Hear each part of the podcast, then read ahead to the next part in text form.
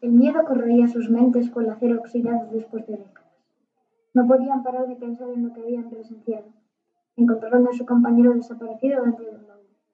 Manolo y Alfredo se habían pasado semanas, meses buscándolo, pero ahora se avecinaba lo peor. Llegaron indignados al despacho del director, en busca de un ápice de coraje. Esperaban que se entregara y disculpaba, disculpara de una forma honesta, pero él no tenía esa intención. Estaba en una esquina parado. El conserje les avisó de que tenía un pasado muy oscuro. Desde pequeño, sus padres lo torturaban y lo obligaban a luchar a muerte con otros niños de su misma edad.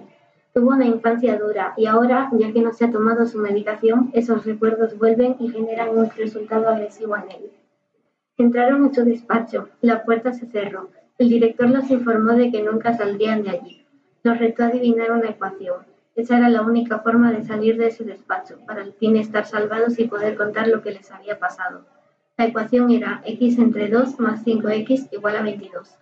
Sin saber cómo, sintieron una presencia detrás de ellos. Era su compañero, bueno, su alma.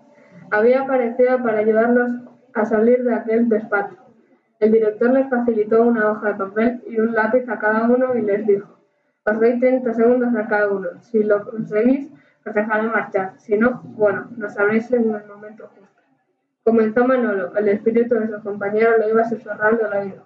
Cuando pasaron los 30 segundos y Manolo se echó a llorar, le gritaba, no lo hagas, no lo hagas. El color carmesí de los restos de sangre quedó impregnado en toda la habitación. Alfredo vio a su amigo fallecer, una experiencia traumática que siempre estaría grabada en su rutina. Ahora le tocaba a Alfredo.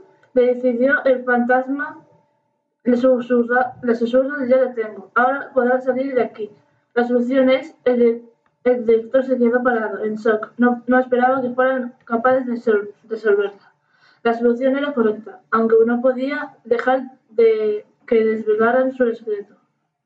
Es un, es un hombre de palabras. Si no cumplía su promesa, eso afectaría no, notablemente a su honor.